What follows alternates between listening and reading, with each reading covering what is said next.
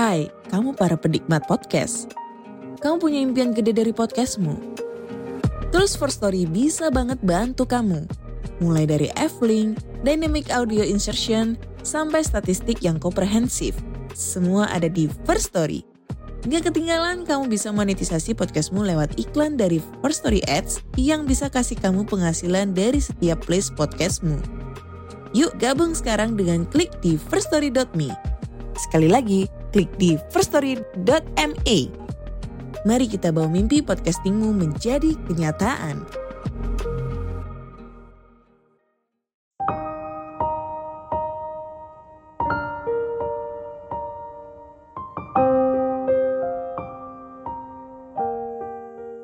Episode 34 ini adalah bagian kedua dari serial penciptaan Nabi Adam versus teori evolusi. Teman-teman, jangan lupa untuk menyimak bagian pertamanya ya. Bagian pertama ada di episode 33 dengan judul Apakah Sains Bertentangan dengan Al-Quran? Pada episode sebelumnya, Teh Agri menutup pernyataannya dengan pertanyaan seperti ini. Nah, pernyataan tadi sains nggak cocok dengan Islam. Nah ini sains yang mana dulu? Kenapa kok bisa nggak cocok dengan Islam? Sebelumnya, Teh Agri menyebutkan kalau Islam adalah sesuatu yang luas. Islam gak hanya menyangkut soal tata cara peribadatan saja, tetapi menyangkut segala sendi kehidupan termasuk sains. Dengan kata lain, sebagai orang Islam, Islam harus kita jadikan sebagai pandangan hidup yang mendasari serta menuntun kita dalam menjalankan sains. Itulah sains Islam, yaitu sains yang dikerangkai oleh cara pandang hidup Islam. Kenapa sains sekarang tidak cocok dengan Islam? Ya karena sains yang sekarang memang dibangun dari kerangka atau cara pandang hidup selain Islam. Yang saya maksud ilmu pengetahuan saat ini adalah ilmu pengetahuan modern ya atau barat yang dibangun dari cara pandang hidup sekuler. Ya jelas pada akhirnya kita akan menemukan ketidakcocokan dengan Islam. Apa sih memang yang dimaksud dengan ilmu pengetahuan yang dibangun dengan cara pandang hidup sekuler? Secara definisi, sekuler itu adalah memisahkan antara agama dengan ranah publik.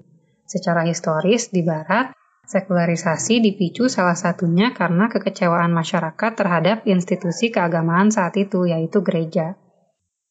Sekularisme di Barat muncul akibat dominasi gereja terhadap kehidupan masyarakat dalam segala aspek.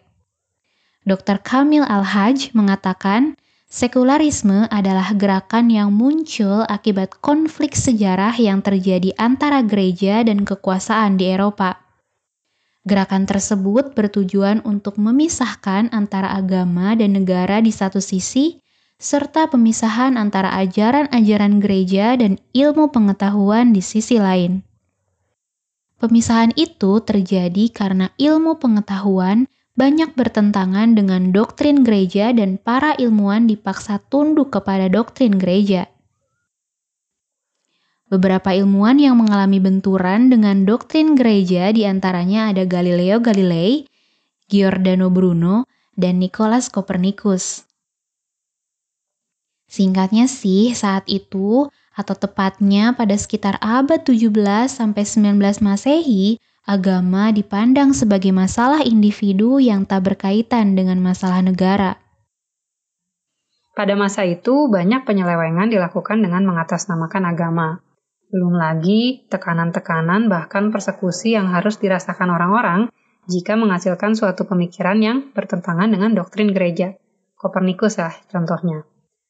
Karena itu, akhirnya muncul gerakan-gerakan pemikiran dan perlawanan untuk memisahkan antara gereja atau agama dengan ranah publik, atau disebut juga tadi sekularisasi. Nah, sekularisasi ini merambah ke mana-mana ya, ke segala bidang, termasuk dalam hal perkembangan sains atau ilmu pengetahuan. Artinya apa? Artinya ilmu yang umumnya kita kenal saat ini, yang kita tahu dimotori oleh Barat, adalah ilmu yang berkarakter sekuler. Salah satu imbas dari ilmu yang berkarakter sekuler ini adalah ketika sedang mempelajari ilmu, ya jangan bawa-bawa agama, jangan bawa-bawa Tuhan karena memang nggak ada tempatnya di situ sekuler ilmu ya ilmu agama ya agama Jadi memang ilmu itu tidak dirancang dan diarahkan untuk mengembalikan manusia kepada Tuhan, kepada Allah. Semoga dari sini bisa lebih kelihatan kenapa um, kita melihat adanya ketidakcocokan antara ilmu yang banyak kita pelajari saat ini, aka ilmu berkarakter sekuler, dengan Islam.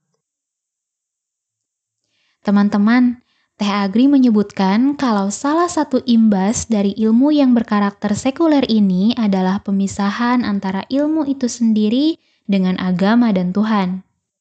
Nah, kita sebagai seorang Muslim tidak dibenarkan untuk mengikuti paham sekuler ini. Kenapa?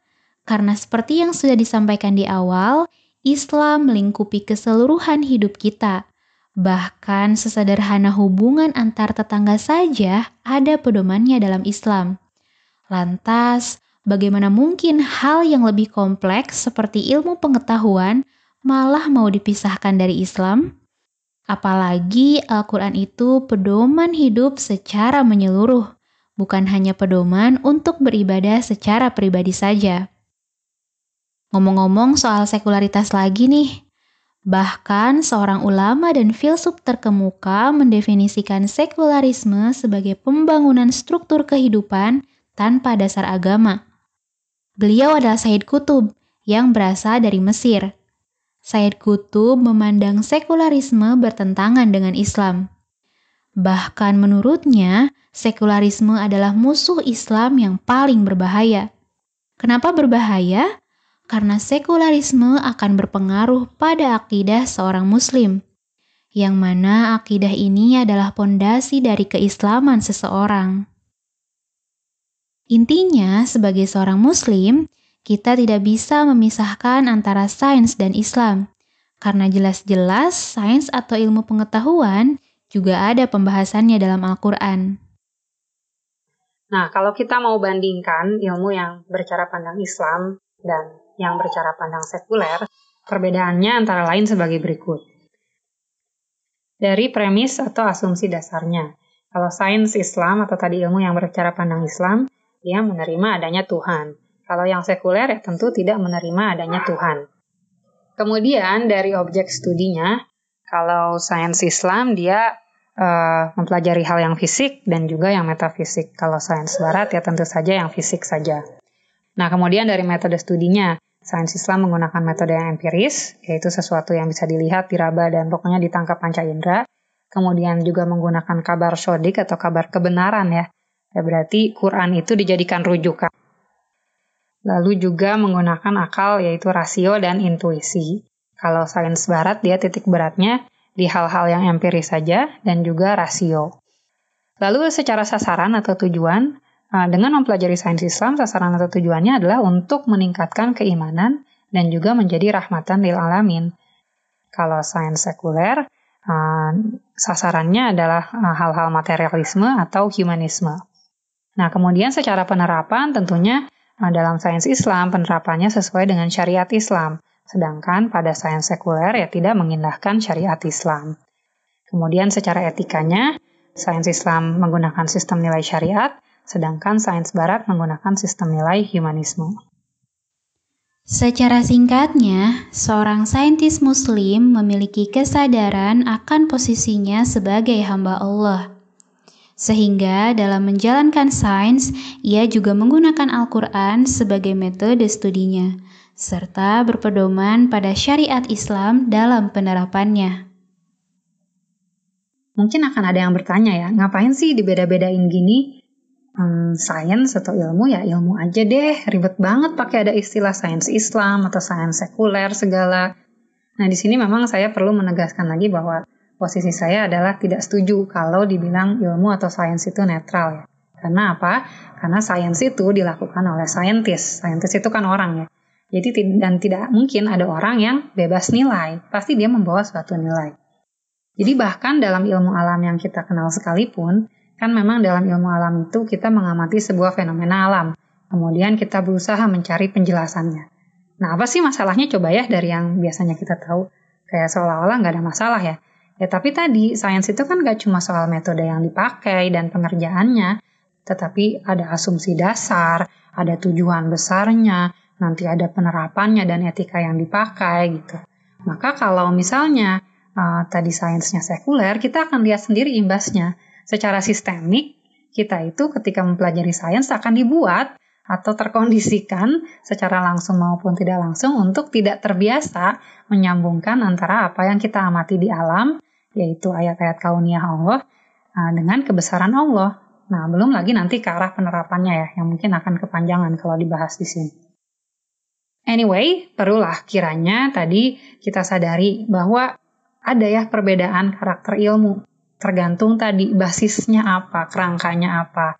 Yang dikerangkai Islam atau yang bukan itu beda nantinya. Nah, dengan memahami itu, kita nanti akan uh, lebih mudah untuk bisa membahas tentang kontroversi teori evolusi di dalam Islam. Untuk sekarang mah diingat-ingat dulu aja ya tadi perbedaan antara um, sains Islam dengan sains sekuler.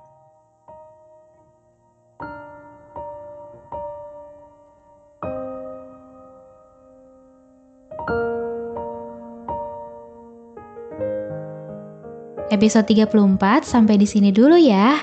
Di episode selanjutnya, kita masih akan membahas mengenai serial penciptaan Nabi Adam versus teori evolusi. Oh ya, jika kamu tertarik dengan sains Islam, bisa mengunjungi laman Fajar Cendikia. Linknya sudah kami letakkan di deskripsi box ya. Saya Irin, pamit undur diri. Wassalamualaikum warahmatullahi wabarakatuh.